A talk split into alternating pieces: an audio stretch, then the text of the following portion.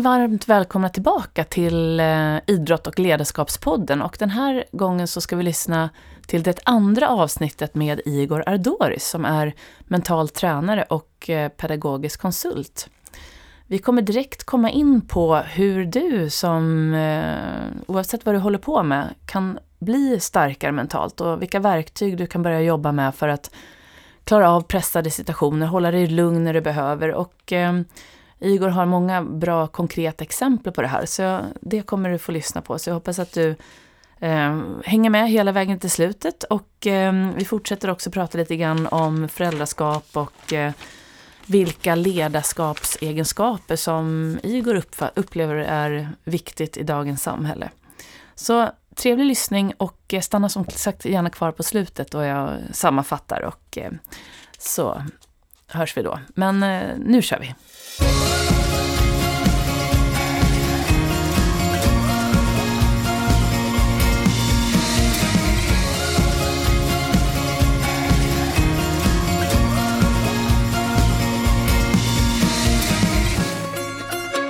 Så om man liksom vill, nu är vi inne på det här hur man blir mentalt vältränad och det där var ju ett mm. väldigt konkret exempel. Men i vilken ände kan man börja om man vill bli väldigt starkt mentalt vältränad? Tycker du? Om vi tittar på begreppet vältränad så är det väldigt eh, brett begrepp för att en tennisspelare och en gymnast och en eh, simmare och tyngdlyftare är alla vältränade, mm. men på olika sätt. Så vältränad måste alltid sättas i, sam, i i, i ett sammanhang, i kontext. Mm. Um, och det, den kontexten jag jobbar med um, är alltså att vara stark på insidan, det vill säga kunna, kunna, behålla, kunna behålla någon sorts mental och fysisk balans under press. Mm. Det, det, det är min definition på vältränad utifrån min inriktning inom mentala träningen. Men det finns andra sätt att definiera det på. Men bara så vi vet vad ja, vi pratar om. Ja. Och um, att kunna bygga upp den förmågan att behålla egentligen balans under stress, både fysiskt och mentalt, då jobbar jag med tre, tre principer som egentligen är tre aspekter av samma helhet. De, de, de finns alltid med, är min förståelse. Och det är kontroll av ens fokus, eh, kontroll av ens andning eh, och kontroll av ens spänningsnivå. Mm. Och de här tre är ett. Mm. Så när jag styra upp mitt, min, äh, min andning till exempel, ja, men då måste jag fokusera på andningen för att styra upp den. Mm. Och när jag börjar styra upp min andning då börjar jag slappna av. Mm. Eller när jag slappnar av mm. så börjar min andning sakta ner. Men jag måste fokusera på att slappna av mm. för att jag ska slappna av. Och, och så vidare. Mm. Så, så de här tre, det är olika, jag har märkt med tiden att olika människor har olika preferenser. Mm. Så istället på att eh, låsa mig vid metod, jag jobbar med principer. Mm. Så de här tre principer mm. utgår jag alltid ifrån och sen utifrån dem skräddarsyr jag metoder mm. som passar bäst för sammanhang och för klienten. Så, så det är inte... Ja, och det har tagit mig ja, 20 år eh, och, och det har gått igenom alla metoder jag kunnat komma över. Tack vare mycket att jag haft Lars-Erik Unestål som mentor så har jag kunnat komma i kontakt med så många olika metoder. Allt från autogen träning till uh, transcendental meditation till, uh, till kristen meditation till uh, zen meditation till uh, yoga, qigong, olika typer av yoga ska jag också nämna. Hatha yoga, power yoga, ashtanga yoga har jag liksom fördjupat mig i eh, karate, aikido, men sen också när det gäller mentala eh, relaxation response som Dr. Herbert Benson har utvecklat. Eh, sen, jag nämnde då autogen träning, det är Johannes Schultz som, som, ut som eh, östtyskarna, OS-olympier mm. gjorde väldigt konsekvent en gång i tiden. Hypnos, självhypnos, eh, affirmationer, suggestioner. Men eh, progressiv avslappning till exempel, alltså men tack vare att Unestål, när han har liksom jobbat med mentala träningen, han har själv gjort så att han har ju fördjupat sig i allt som fanns och sen har han liksom plockat ihop det i, i, i något enhetligt. Mm. Och han har ju haft tålamod med mig att för att jag nöjde mig inte med, med den enhetliga utan jag var intresserad av bakgrunder. Mm. Jag trodde från början bakgrunden men det visade sig vara bakgrunder. Mm. För att han har ju liksom fördjupat sig i flera olika metoder. Så han har ju påbörjat det här arbetet rejält. Mm. Det enda som är kanske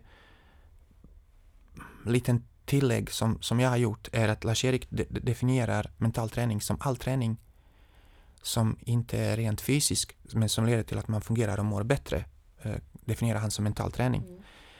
Och jag har dristat mig att utvidga det till fokus, andning och spänningskontroll. Det vill säga andning och spänning är faktiskt det, äh, kroppen som jag använder. Så jag skulle vilja säga all träning som leder till att man fungerar och mår bättre mentalt kallar jag mental träning. Det.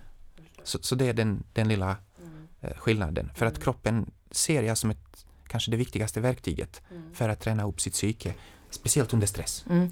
Precis, jag gjorde en, eh, en eh, eller ändrade fokus. Jag har haft lite svårt att sova i perioder av olika skäl och eh, lärt mig olika metoder. Jag har använt medicinsk yoga och meditation och mentala träningen och, och sådär. Så, men det jag har märkt funkar allra bäst är att anledningen att jag inte kan sova är för att kroppen är uppe i varv Ja. och inte kan liksom landa. Varva ner. Varva ner. Och då ibland hjälper de med avspänningsprogram. Men det jag har tänkt på är att okej, men nu är kroppen uppe i varv. Så om jag fokuserar, struntar i hjärnan Mm. och bara fokuserar på att det är bara att jag ska bara tänka att kroppen ska börja andas lugnare. Mm. Det är ingenting mer än det. That's it. Och då är det så himla mycket lättare för då är det mycket, blir jag lugnare. Mm. För att det är mer kroppens sätt att prata med mig helt enkelt. Så Mm. det är bara att jag har varit dålig på att lyssna Precis. igen. Så att där, apropå, jag håller med, det är så skönt ibland att släppa hjärnan och bara Mm. liksom lita på att kroppen är egentligen en hjärna den också. Ja, på sitt så, sätt. Det är Liksom. så bra sagt, för att du, du hör hur vi pratar. Eh, vi sätter likhetstecken mellan hjärnan och medvetna tankar. Och det är konsekvens av att åtminstone i 12 år så går alla barn i skolan där 98 procent av all undervisning Mm. berör den delen av hjärnan där, där, som, som handlar om medvetna tankar. Men om vi tänker så här. När jag flyttar handen, när jag flyttar bort min hand från en varm spisplatta så gör jag det inte genom att det, oj det är varmt, jag kanske bränner mig. Bäst att jag flyttar för då har jag redan bränt mig. Utan jag flyttar först och sen hinner jag uppfatta att oj det var något varmt. Så, och då brukar vi säga så här, kroppen flyttar först, sen hinner man tänka. Till och med brukar man säga så här, kroppen flyttar först, sen hinner hjärnan tänka. Fast egentligen, det är hjärnan som har flyttat bort handen. För att om vi har en person som är under narkos och lägger den personens hand på, på en motsvarighet till varm spisplatta eller med noll, då kommer de inte reagera. Kroppen är intakt, men sinnet är bedövat. Så, och, så det är fortfarande hjärnan som flyttar bort handen. Men det är omedvetet. Det är exakt. Just det. det. Hjärnan är mycket större. Vi är mycket större än vad vi tror om oss själva och, vilka, och, och bara våra medvetna tankar Mm. och vår personliga historia. Så skolan ger väldigt, många, väldigt mycket kunskap och, och, och ger väldigt mycket frihet med ökad kunskap. Men det också begränsar om man sätter likhetstecken mellan den delen av hjärnan man använder i skolan och hela hjärnan. För att det är två helt olika saker. Mm. Ja men precis. Så om du, när man, jag då som jobbar en hel del med golfare så brukar man ju säga att men det, är de, det är min hjärna det är problemet. Jag kan inte tänka. Jag är alltid nervös och det blir liksom. Men är det så att alla kan bli mentalt starka och mentalt vältränade? Och utveckla liksom självkontroll och stabilitet och inre lugn? Ja, alltså alla kapabla att ta till sig kapabla att genomföra träningen och kapabla att ta till sig instruktioner och övningen. Det är ingen skillnad mellan, alltså det är ingen skillnad.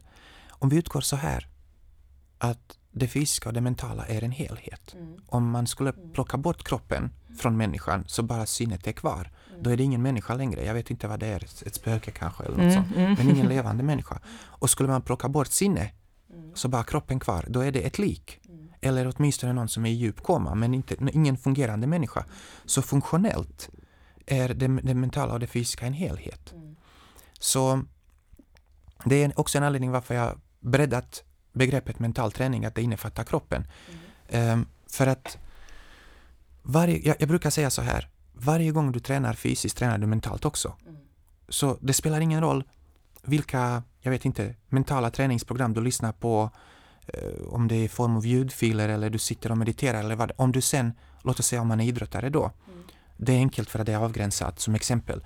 Om du sen går till din klubb eller din träningslokal eller bana eller vad det är och sen tränar du som en sopa, Alltså, du, du, du måste, alltså hela poängen med de stunderna som du lägger på att träna koncentration, träna avslappning, eh, träna positiva föreställningar. Mm.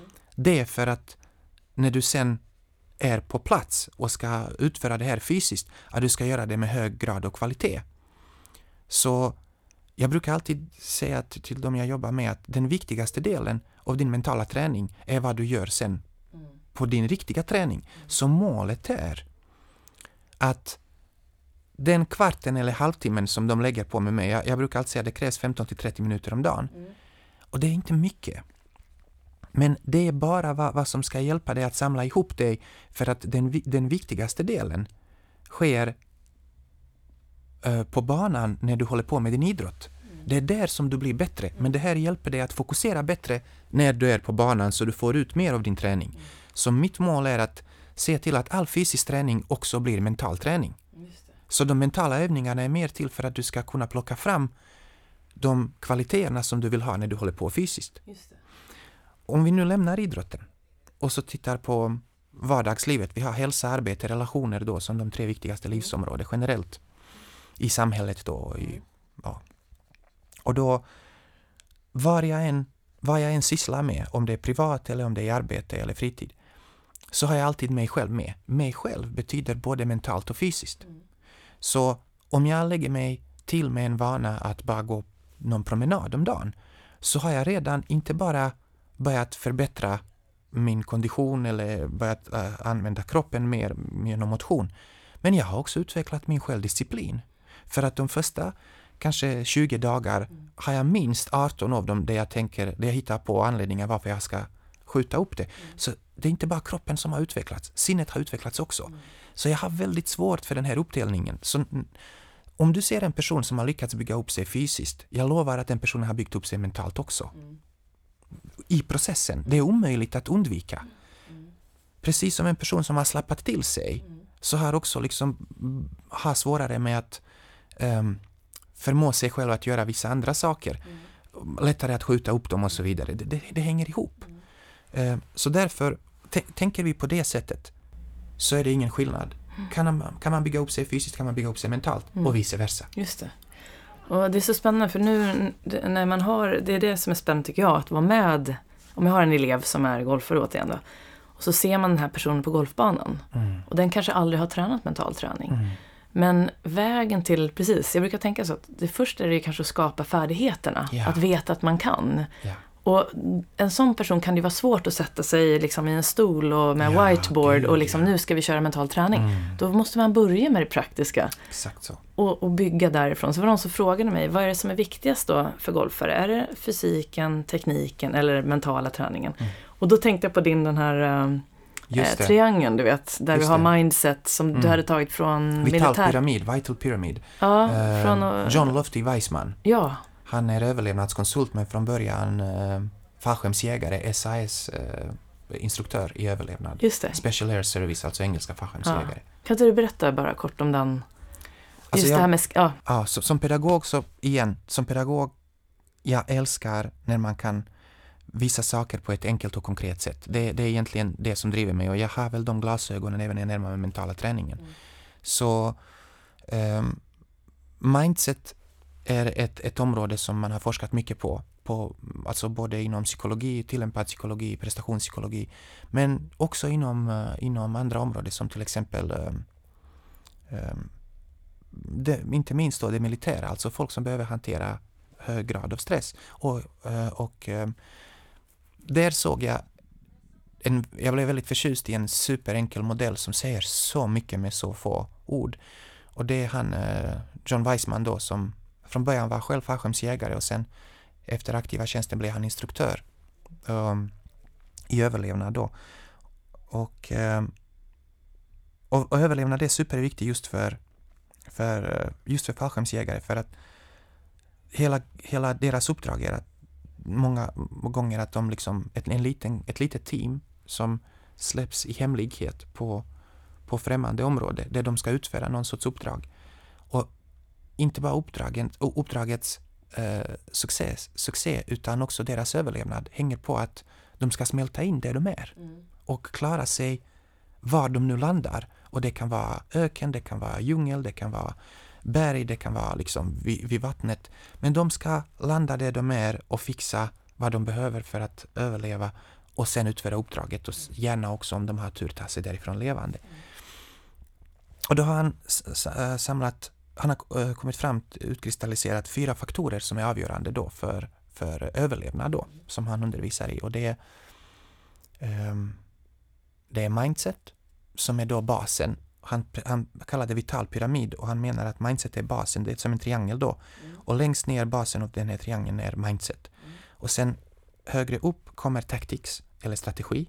Mindset eller vad man ska säga inställning eller mentalitet. Mm. Och sen kommer strategi, eller tactics på engelska. Mm. Och sen kommer uh, skills, eller färdigheter. Och sen kommer kit, eller utrustning. Mm. Så fyra faktorer. Mentalitet, strategi, färdigheter och utrustning. De fyra är jätteviktiga för överlevnad. Men det finns en inbördes prioriteringsordning där utrustning är minst viktigt och mentalitet utgör basen för allt. Om, och jag brukar ge exempel konkret om jag hamnar i, i, någonstans i skogen här, de svenska skogarna, vinter, under vinterperioden och det är kallt och det blåser och det, jag har större chans att klara mig om jag har en tändsticksask än om jag inte har det. Så jag börjar med, med det minst viktiga då, mm. eh, utrustning. Men om jag dessutom har gjort upp brasor i mitt liv ett mm. antal gånger, så inte bara jag har teoretisk kunskap och eh, medel att göra upp en brasa, utan jag har eh, färdigheter, vilket är skills, då har jag ännu större chans att överleva. Om jag dessutom har strategi, inte bara hur man gör upp en brasa, utan hur gör jag upp en brasa när det regnar, när det inte finns lä, när, när det är våta grenar, eh, när min axel är ur led. Och jag har strategier för att komma runt de hinder och ändå göra upp en brasa. Då har jag ännu större chans att klara mig. Så det är de första tre, eh, från uppifrån neråt då. Ehm, utrustning, färdigheter, strategi. Med det sagt, den som är basen som allting vilar på, mentalitet. Om jag har blivit uppgiven av någon anledning och känner på insidan, det spelar ingen roll om jag gör upp en brasa eller inte, det är, det är ändå kört. Mm. Då är det kört. Mm. Jag kommer inte orka göra någonting. Även om jag har den bästa utrustningen, de bästa färdigheterna, de, jag är väl bevandrad i strategierna, men jag kommer inte orka göra någonting med det om jag ger upp på insidan. Så, och med, med det här sagt, det här har jag föreläst om nu i fem år. Mm. Så även andra har börjat hänvisa till det, vilket är kul. Men det som är viktigt är att om vi tittar, om jag som pedagog tittar på hur våra utbildningar ser ut, mm. så de innehåller en mindre pyramid som oftast är utrustning och färdigheter. Mm om man har tur och har en väldigt bra instruktör, lärare, tränare, eh, utbildare, då får man också på köpet lite strategier. Men enbart om den här personen har egna erfarenheter inom ämnet och delar med sig. Det är de, det är de tränare som vi uppskattar, mm. eller lärare, för att deras lektioner är intressanta, mm. för att de vet vad de pratar om. Eh, de kan vad de pratar om, mm. rättare sagt. De, de, de har egna erfarenheter som kan backa upp teorin. Men den här delen som allting vilar på, vilket är då själva mentaliteten, inställningen, attityden, den förväntas man bara ha på något sätt. Och utan det, allting rasar. Och utmaning för ett välfärdssamhälle där man idag och generellt försöker ersätta mentalitet med bättre prylar. Och det gör att folk blir vekare mentalt. Så man måste förstå att utrustning är viktigt, men man kan inte ersätta mentalitet med någonting annat. Det gäller att, hur bra man än har det, att bygga upp folk som kan hantera dåliga tider. För att man ska slippa dåliga tider. Mm. Ja, men precis. Ja, man hoppas, jag pratade lite med Lars-Erik Junestad, han var ju med i den här podden i höstas. Och vi pratade om det här lite grann om varför, du vet mentalträning har funnits väldigt länge och det blev ju stort när det kom precis. Och Lars-Erik har ju skrivit massa böcker och folk mm. köpte det här och det var ju liksom 80-90, mm.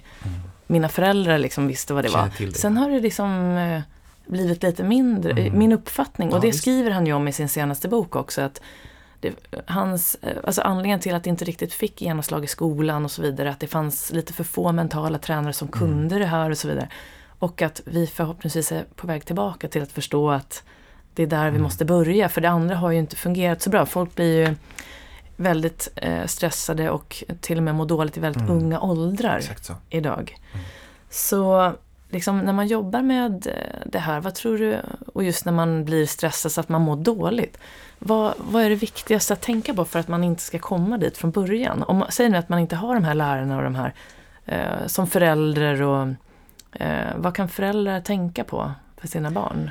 Alltså, det är, det är nästan jobbigt att säga för att det är så eh, enkelt och samtidigt väldigt svårt. Och det är att man är förebild för sina barn.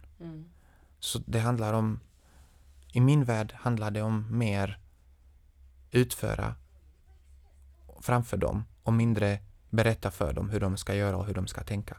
Så vill man verkligen göra någonting gott för, eh, för folk man ansvarar för oavsett om man är förälder eller lärare eller tränare, det är att själv göra det som man vill att de ska göra. Mm, walk the talk. Eh, Det är egentligen det, det, är det jag landar där Ja. hela tiden. Ja.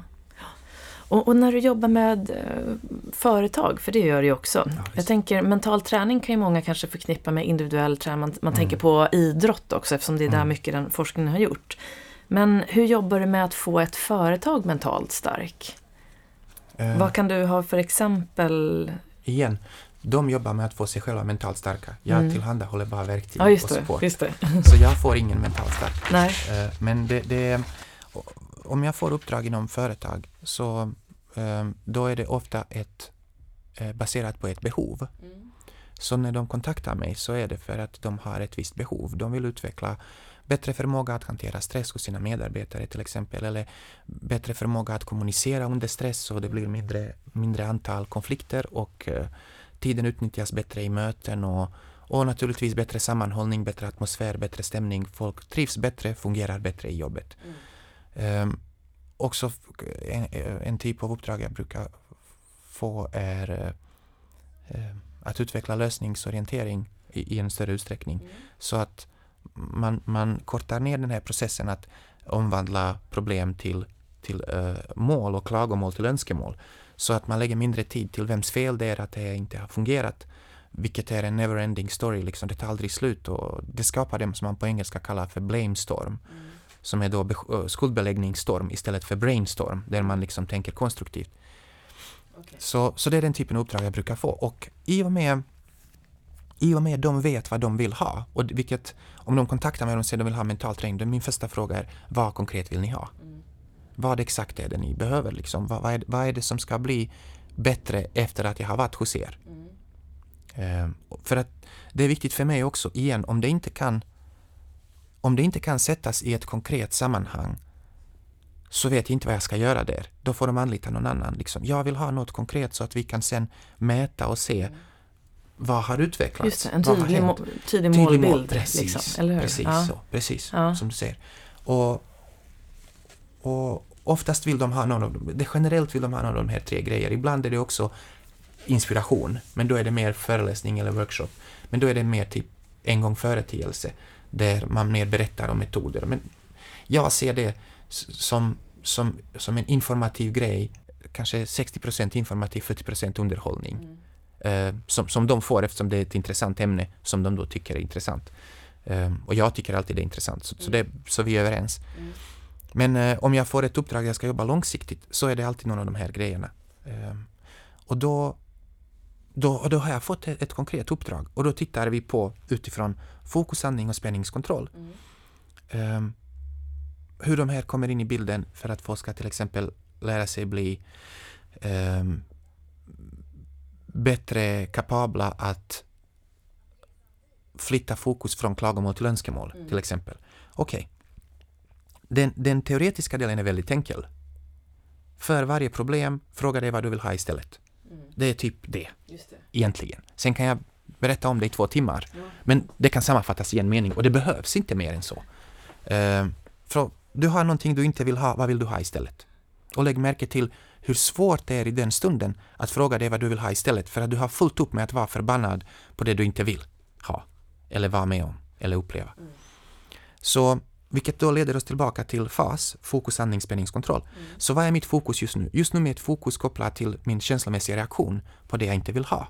Okej, hur är min andning? Antingen är den väldigt hetsig eller så har jag glömt att andas till och med. Eller så har jag redan slagit sönder någonting liksom, eller börjat lipa eller vad det nu är. Eh, eh, eller skälla eller så.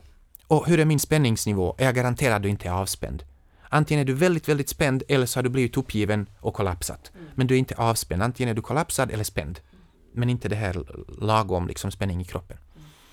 Så enklaste sättet istället på att gå på det intellektuella när, när, när personen redan är utanför eh, sin, sitt balanserade tillstånd.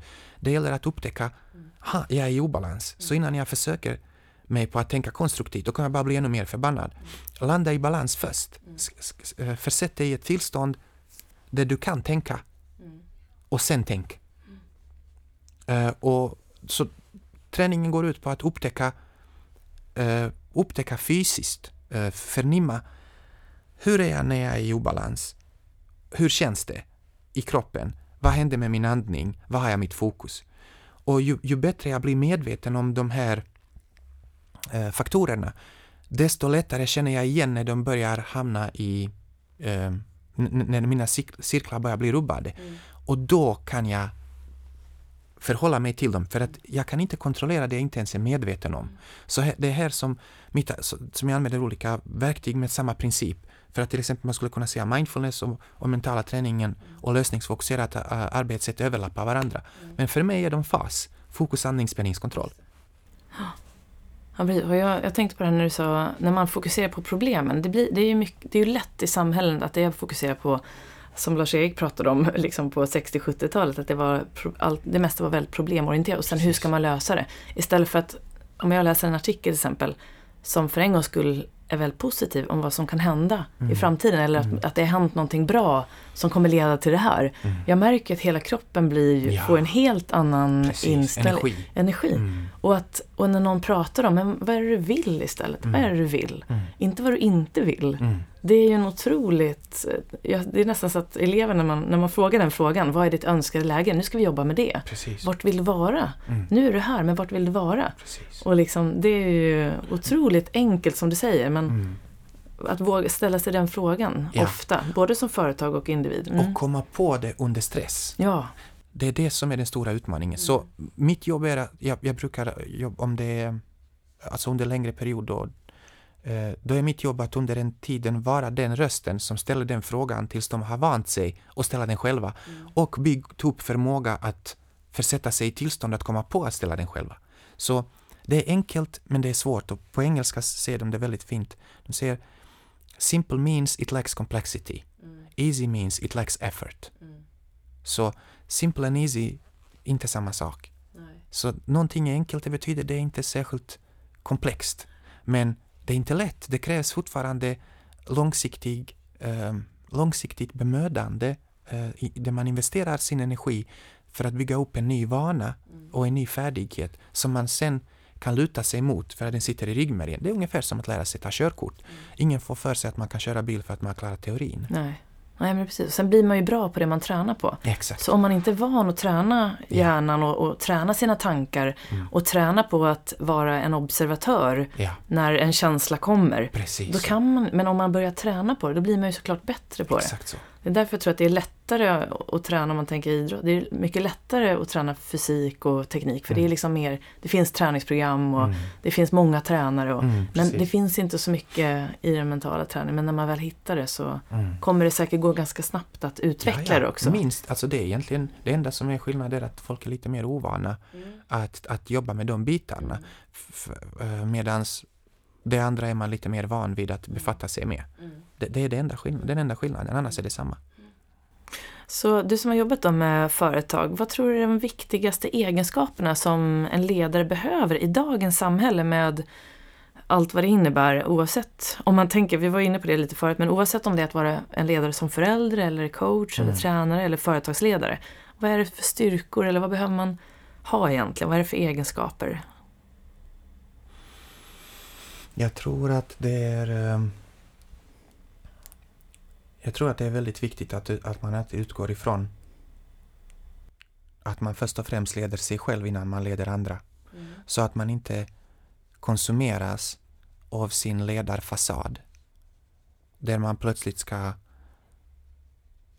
hoppa in i en roll Mm. av en framgångsrik ledare, vad det nu innebär. Eh, Det kan säkert innebära olika saker, men det finns säkert vissa stereotyper inom respektive organisationer för hur en stark eller framgångsrik eller bra ledare ska vara. Och det som är... eh, Ju, ju mer man försöker vara någon annan, eh, då, då kostar det så mycket tid och energi Mm. att man inte hinner utveckla sig själv i sin ledarroll. Och det är då man hamnar, och, och förr eller senare, speciellt under press, så brister den fasaden och då förlorar folk förtroende. För att vara en bra ledare oavsett om man leder sig själv eller om man leder sitt barn eller elever eller, eller en stor organisation, så är avgörande att man bygger upp en relation av tillit till dem man leder, inklusive sig själv. Mm. Och det, tilliten är, tror jag, den, den viktigaste ingrediensen i ett framgångsrikt ledarskap. Det vill säga att folk vill frivilligt följa en för att de har förtroende för, för ens bedömningsförmåga och ens karaktär och, och ens eh, kanske erfarenhet. Att, och, och tillit att den här personen vill allas bästa, Mm. inklusive sig själv, men också in, alltså allas bästa Mm. och uh, verkligen anstränger sig och vänder och vrider på saker och ting så man hittar win-win för alla Mm. I, i, bästa, i största möjliga mån. Ehm, då vill folk följa en. Och jag har upplevt det med tonåringar, jag har upplevt det med vuxna, jag har upplevt det med barn. Men jag tror det är en instinktiv det jag sätter ord på nu är en, egentligen en, en, en grundläggande instinkt som vi har som flockdjur. Att ehm, den som leder ska i första hand tänka på sig själv som en del av andra. Inte på sig själv utanför andra. Mm. Jag, jag måste se mig själv som en del av helheten jag leder. Så när jag tar hand om andra tar jag hand om mig själv också. Då är, det är en bra ledare. Och det är den ledare som förtjänar förtroende för att helheten känner uh, han eller hon bryr sig om oss och sig själv in, in, inräknat i oss. Mm. Han leder sig själv och oss. Han är vi, vi är, vi är, vi är han eller hon. Mm. Um, där, då, då, då vill man lita på den personen. Mm. Men så fort, jag tror många gånger på grund av brist på förståelse för det jag berättar nu, så försöker man skapa någon sorts persona runt sig själv genom att kanske härma några förebilder som man tror är framgångsrika utan att egentligen veta hur de mår. Många kan se väldigt framgångsrika och säkra ut, men så har man ingen aning hur mycket de knarkar piller eller vad de nu gör, super eller eh, massa andra grejer för att hålla ihop den här fasaden och hur mycket liksom av, av, sin av sin eh, själ har de behövt liksom sälja ut och förneka för att liksom tvinga sig att vara hänsynslösa i sin misstolkning och vad som menas med att vara en bra ledare eller vad det nu är. Men detta är bara tecken på mental svaghet. Inget annat än tecken på mental svaghet och det ser man det ser man folk, ju, ju tryggare och starkare och säkrare människor är, desto mindre behöver de sticka ut. Mm. Märker du någon skillnad på yngre ledare än om man säger äldre ledare? Finns det mer av den här förståelsen hos den yngre generationen tycker du? Jag har inte märkt någon större skillnad i ålder utan jag har märkt representanter och exempel av båda, både i, enligt mina mått bättre och sämre form av ledarskap inom eh, alla åldrar.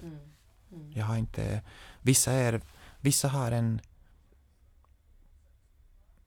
eh, vad heter han? Nu ska vi se. John Steinberg, han, han, han, har ju, han är, han är en, en av mina stora förebilder inom pedagogiken. Och han, han brukar säga att det behövs kärlek och struktur när man liksom arbetar mm, mm, som pedagog eller som led- ledare. Och det, är, det, är, det är egentligen samma sak.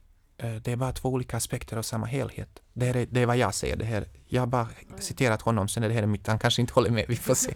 Men, eh, men för mig är det samma sak, för att vi måste ha någon sorts struktur och, och, och ramar för att samlas runt eh, och, och, och, och samordna oss med varandra mm. så att vi drar åt samma håll. Mm. Eh, men om det är bara struktur utan kärlek så, så blir det liksom någon sorts diktatur och, och, och, folk känner sig tvingade. Men om det är bara kärlek utan struktur mm. eh, så försvinner ramarna och då blir det kaos. Mm.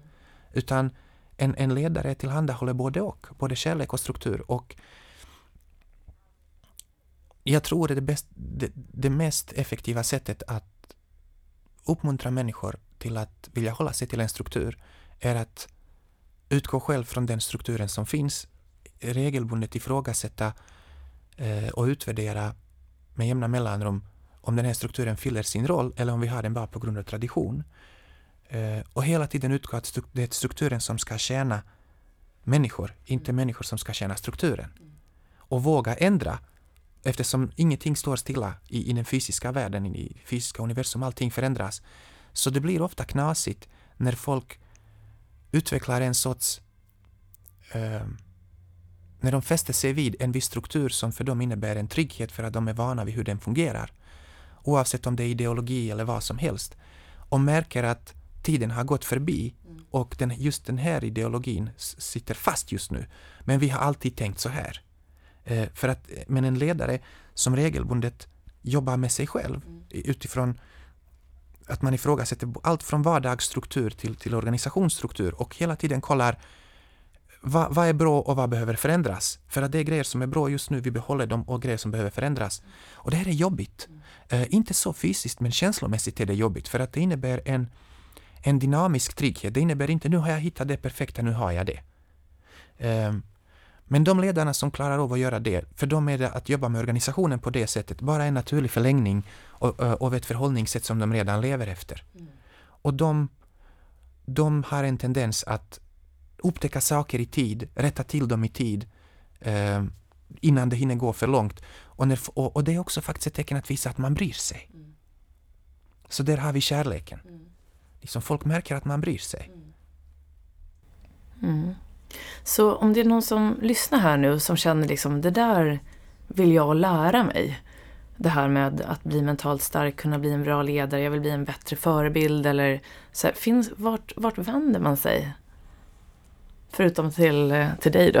ja, precis. Alltså det är ju, vi har ju pratat, jag kan, jag kan nämna ett antal om, om mina källor och förebilder mm. och sen kan man liksom varje person göra ihopplock utifrån vad, sina preferenser och mm. bakgrund. Det finns några jag har redan nämnt Lars-Erik Unestål som är då för mm. mig en, en enorm förebild och jag har till och med haft tur att ha honom som mentor. Mm. Um, och, men utöver honom då, uh, uh, John Steinberg då, är också doktor i pedagogik och har det jag älskar med, med folk jag kommer nämna är alltid väldigt konkreta mm. och väldigt praktiska. Mm. Och, och, så, utan att ge avkall på teori, men de går ett steg längre och liksom omvandlar det till något konkret som man kan ta till sig och börja jobba med direkt.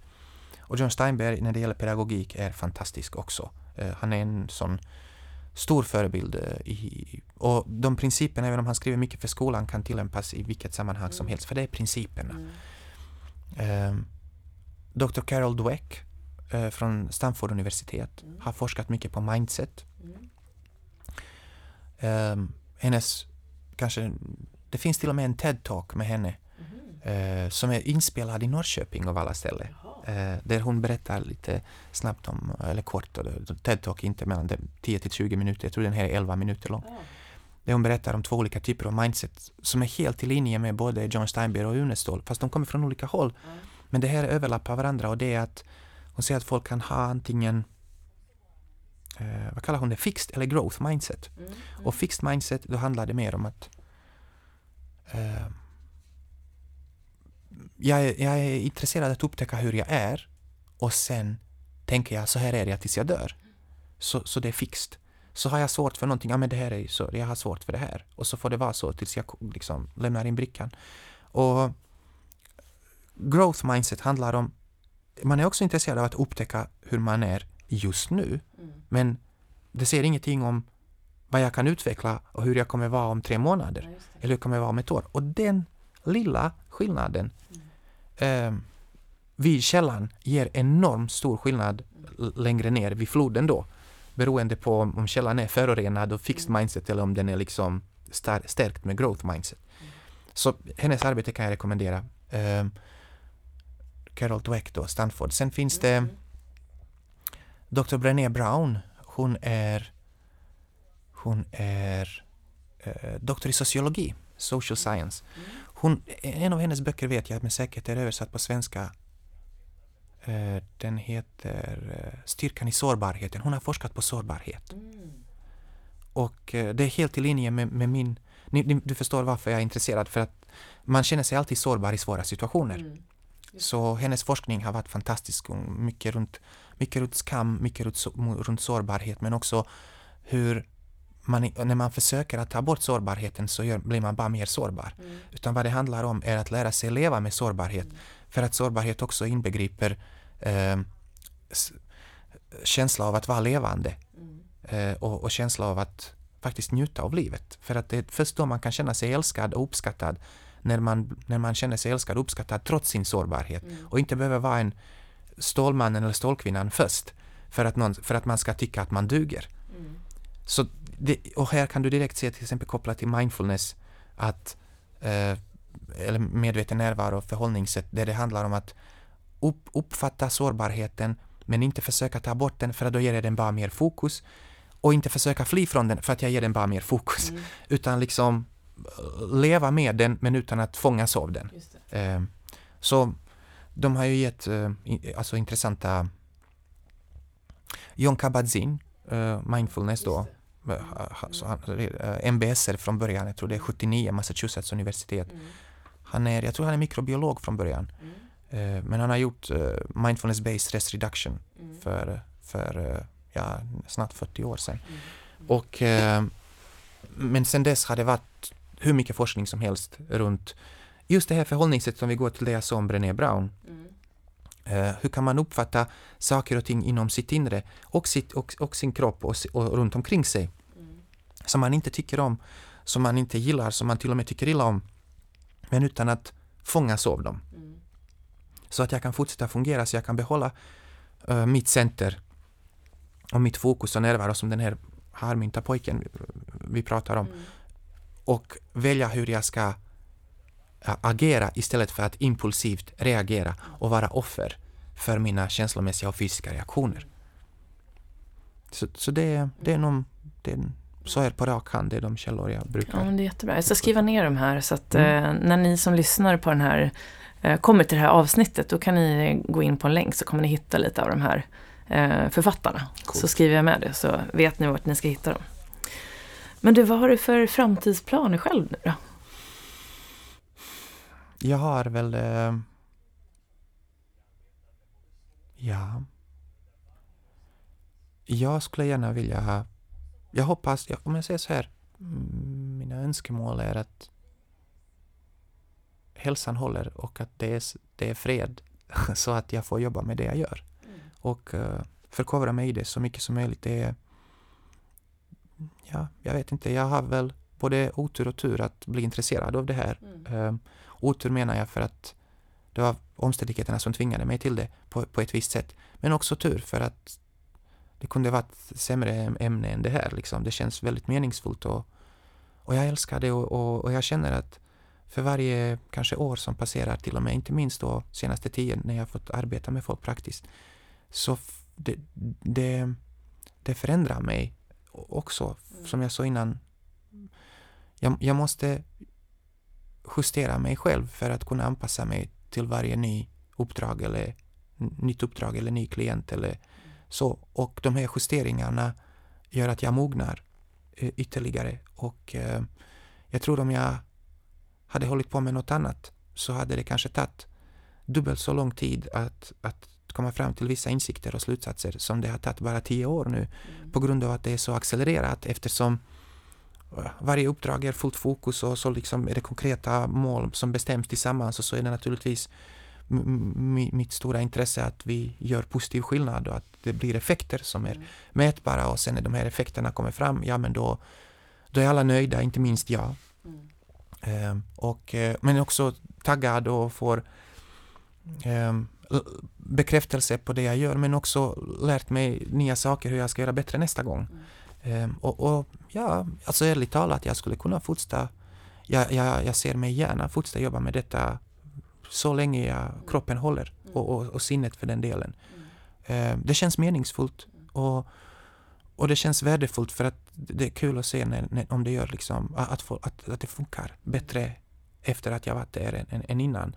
Även om det är något litet sammanhang som en 14-åring som spelar handboll liksom. Men om den här personen är eh, tryggare, gladare, eh, lättare att hantera sina impulser, skäller inte ut eh, kompisarna mm när de spelar dåligt som man gjorde innan vi började samarbeta. Alltså för mig är det lika stort som att jobba med ett stort företag på, på flera hundra anställda. Mm. Jag bryr mig inte, bara, bara, det är, bara det blir bättre.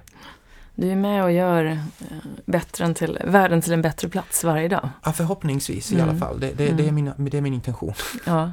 Och det är så, du är ju verkligen en förebild. Jag har ju träffat dig bara ett par gånger men det här som du pratar om att walk the talk och mm.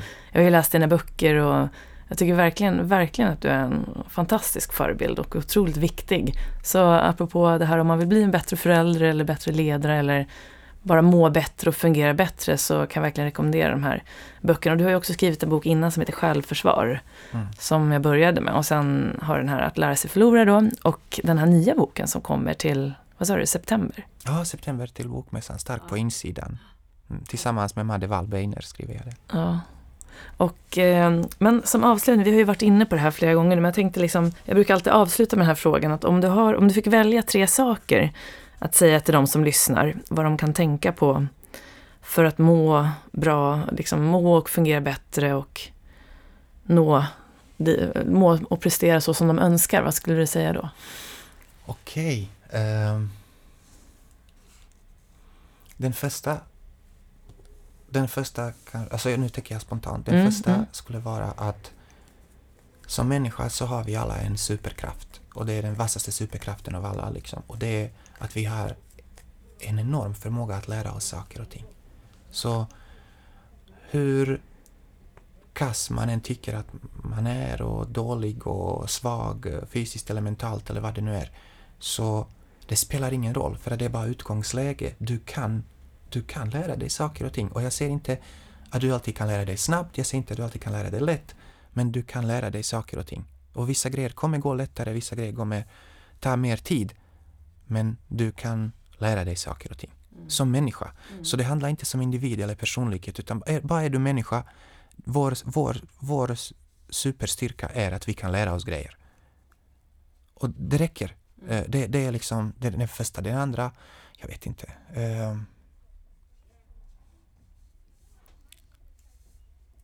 den andra är att du är inte ensam. Det du kämpar med nu, jag lovar dig att vad det än är så är det tusentals människor som kämpar och har kämpat igenom det. Jag brukar själv säga att min största tillgång som mental tränare är att jag är den största fuck av alla. Mm. Så jag har aldrig träffat en klient som har brottats med någonting som inte jag har brottats med eller redan brottats med. Eh, eller fortfarande brottas med. Och, men det har visat sig faktiskt vara en tillgång. Eh, och tillgången är att vi kan väldigt snabbt mötas och vi kan väldigt snabbt bygga en eh, relation av tillit för att de märker att jag inte är bättre än dem. Mm. Utan jag har bara tränat mer. Mm. Jag är inte ett dugg bättre, tvärtom. På många sätt är jag sämre. Mm. Eh, men, men liksom, det spelar ingen roll för att vi kan lära oss grejer. Mm. Och tredje är att det som räknas, eh, bedöm dig själv också, om du nu ska bedöma dig själv, bedöm dig själv utifrån vad du vill liksom bygga, bygga upp och vad som är värdefullt för dig, inte utifrån dina svagaste stunder. Mm. För att det spelar ingen roll hur starka vi är, vi har alla våra svaga stunder och det är inte, det är inte svagheter som vi ska definiera oss igenom. Utan vi ska inte förneka dem heller, men om, om man ser okej, okay, just nu har jag de svagheter, men de här svagheterna är inte jag. Mm. Jag, kan, jag, jag, är den som kan lära sig förbi de här svagheterna. Mm. Det är egentligen... Mm. Ja, jag tror, det här är otroligt spännande att prata med dig. Jag skulle gärna vilja fortsätta. Men ähm, ja, där man kan läsa mer om det, det är i, din hemsida heter igorardoris.se, ja, eller hur? Det är ingen annan som heter så här, så det Nej. blir väldigt smidigt att ha mitt namn på hemsidan. Har du någon annan eh, kanal som du använder?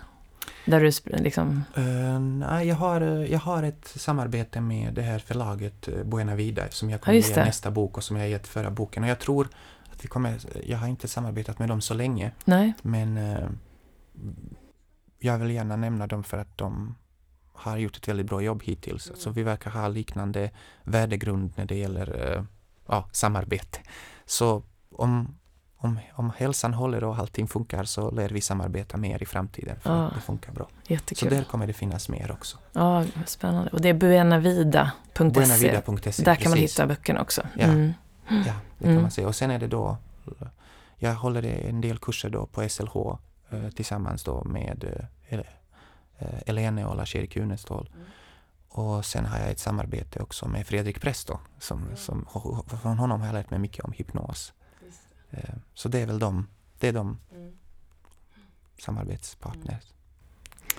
Ja, ett, ett, eh, varmt tack för att du tog dig tid. Jag vet att du har ett eh, busy schema, så jag är så otroligt glad att du kunde komma hit och dela med dig av all din kunskap och erfarenheter och, till lyssnarna och till mig. Och eh, jag önskar dig bara varmt lycka till och hoppas att vi kommer att ses tack snart mycket. igen. Detsamma. Tack snälla. Tack för att jag fick vara med. Tack.